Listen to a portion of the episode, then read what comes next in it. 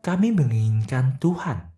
Selasa 22 November bacaan Injil diambil dari Lukas 21 ayat 5 sampai dengan 11. Berkatalah Yesus, apa yang kamu lihat di situ akan datang harinya di mana tidak ada satu batu pun akan dibiarkan terletak di atas batu yang lain.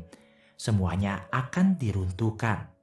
Dan murid-murid bertanya kepada Yesus katanya, Guru, Bila manakah itu akan terjadi? Dan apakah tandanya kalau itu akan terjadi? Jawabnya, waspadalah supaya kamu jangan disesatkan. Sebab banyak orang yang akan datang dengan memakai namaku dan berkata, akulah dia. Dan saatnya sudah dekat. Janganlah kamu mengikuti mereka. Sahabat, Akhir-akhir ini kita dapat melihat adanya upaya untuk membangun masyarakat yang tidak bertuhan. Tetapi sebenarnya telah berabad-abad yang lalu orang telah mencoba mengganti hukum Allah dengan hukum mereka sendiri dan tidak pernah habisnya orang dan bahkan seluruh masyarakatnya yang mencoba menyembunyikan Tuhan dari kehidupan publik. Mereka mencoba mengganti penyembahan kepada Tuhan dengan penyembahan diktator atau pemerintah. Ini seharusnya tidak mengejutkan kita. Yesus sudah mengatakan kita tentang ini. Banyak rejim otoriter yang memprioritaskan untuk mencabut Tuhan dan agama dari hati orang-orang tapi mereka tidak pernah berhasil.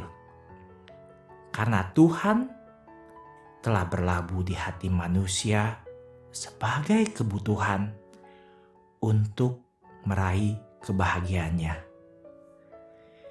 Di tempat di mana orang Kristen dibunuh, agama dilarang, dan orang beriman dianiaya, Tuhan selalu tetap sama. Lebih dari 34 tahun komunis telah berusaha menghapuskan agama dan membangun masyarakat ateis di Polandia. Sejak tahun 1945, rezim mulai mengedarkan propaganda anti-agama menganiaya penganut Kristen. Namun pada tahun 1979, Santo Yohanes Paulus II berkunjung untuk pertama kali sebagai paus dua bulan sebelum kedatangan Paus, komunis Polandia melakukan strategi untuk menahan antuisme rakyatnya. Salah satunya adalah mereka mengeluarkan instruksi kepada media Polandia untuk mensensor dan membatasi komentar dan penampilan paus. Tetapi sahabat, ketika Bapak Paus naik ke atas panggung dan mulai berkhotbah. Jutaan orang mulai bernyanyi dengan suara sekeras-kerasnya. Kami menginginkan Tuhan, kami menginginkan Tuhan, kami menginginkan Tuhan. Paus mencoba untuk melanjutkan, tetapi teriakan itu tetap berlanjut. Kami menginginkan Tuhan. Dan itu tidak pernah berhenti selama 15 menit.